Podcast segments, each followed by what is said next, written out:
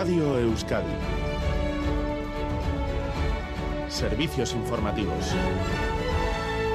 Repasamos los titulares del día con John Fernández Mur, Gabón. Gabón, Miriam, noticias de este viernes 11 de noviembre en el que comenzamos hablando de la reforma del delito de sedición. Desórdenes públicos agravados. Ese será el nuevo delito que reemplazará el de sedición. PSOE y Podemos han registrado ya la reforma del Código Penal. El primer efecto será que la pena máxima pasa de 15 a 5 años de cárcel. Propuesta que cuenta con la oposición rotunda por parte de la derecha y alguna voz crítica en el seno del propio PSOE. El líder popular Alberto Núñez Feijóo anunciaba que dará marcha atrás a esta decisión si alcanza la Moncloa. Esta decisión yo no solo no la habría tomado nunca, sino que además la voy a revertir si soy presidente del gobierno, porque ni Sánchez ni el independentismo pueden abaratar penalmente los ataques a la Constitución. Le respondía desde las filas socialistas Pachi López. El PP ha dejado de ser un partido de Estado para ser un partido en estado de negación permanente y que envenena la convivencia buscando permanentemente enemigos a abatir. Mientras en Cataluña el presidente Pere Aragonés lo calificaba de paso importante. La derogació del delicte de sedició és un pas importantíssim.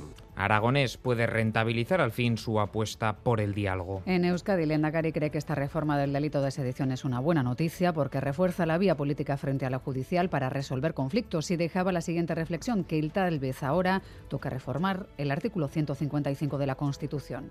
Y esta propuesta también viene a poner en cuestión, y es lo que se debería plantear también, una reforma del artículo 155 de la Constitución española y una reflexión sobre lo que es el modelo de Estado real que en este siglo XXI debe ser. El Banco de España avisa se avecina una situación complicada para las familias vulnerables y también para las rentas medias. El principal culpable, la subida de tipos de interés y con ello de las hipotecas. La mayor parte de las hipotecas variables se revisarán en los primeros seis meses del próximo año y será entonces cuando llegue el gran golpe. Según el Banco de España, un tercio de las familias más desfavorecidas deberá dedicar el 40% de sus ingresos a pagar préstamos. Advierte también el Banco de España de que la probabilidad de una recesión es cada vez mayor. Estos días se cumplen 20 años de la tragedia del Prestige. Y de ello hemos hablado en Gambara de Radio Euskadi con el presidente de la Junta de Galicia entre 2005 y 2009, Emilio Pérez Touriño, y con la portavoz nacional del bloque nacionalista galego, Ana Pontón.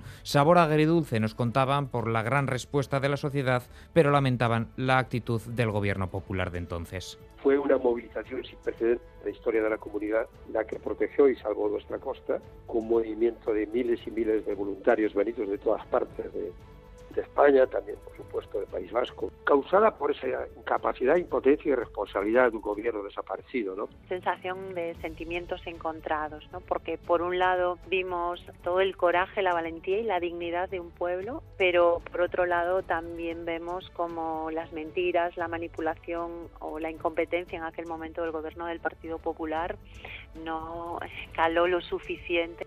Y esta tarde-noche EITV pone el broche de oro a los actos de su 40 aniversario. Sí, con el espectáculo audiovisual Batzen Gaituen Música en el Cursal de Donostia. Allí se lleva a cabo un repaso de las cuatro décadas de historia de esta casa con imágenes de archivo y música interpretada por Euskadico Orquestra. Isabel Octavio, directora de Estrategia y Comunicación de ITV.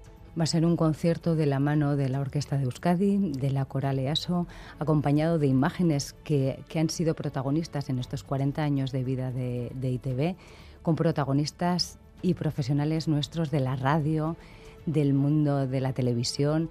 Y es una celebración que queremos compartir con el conjunto de la sociedad vasca. Así terminamos. Más noticias en una hora y en todo momento en itv.eus. Arte.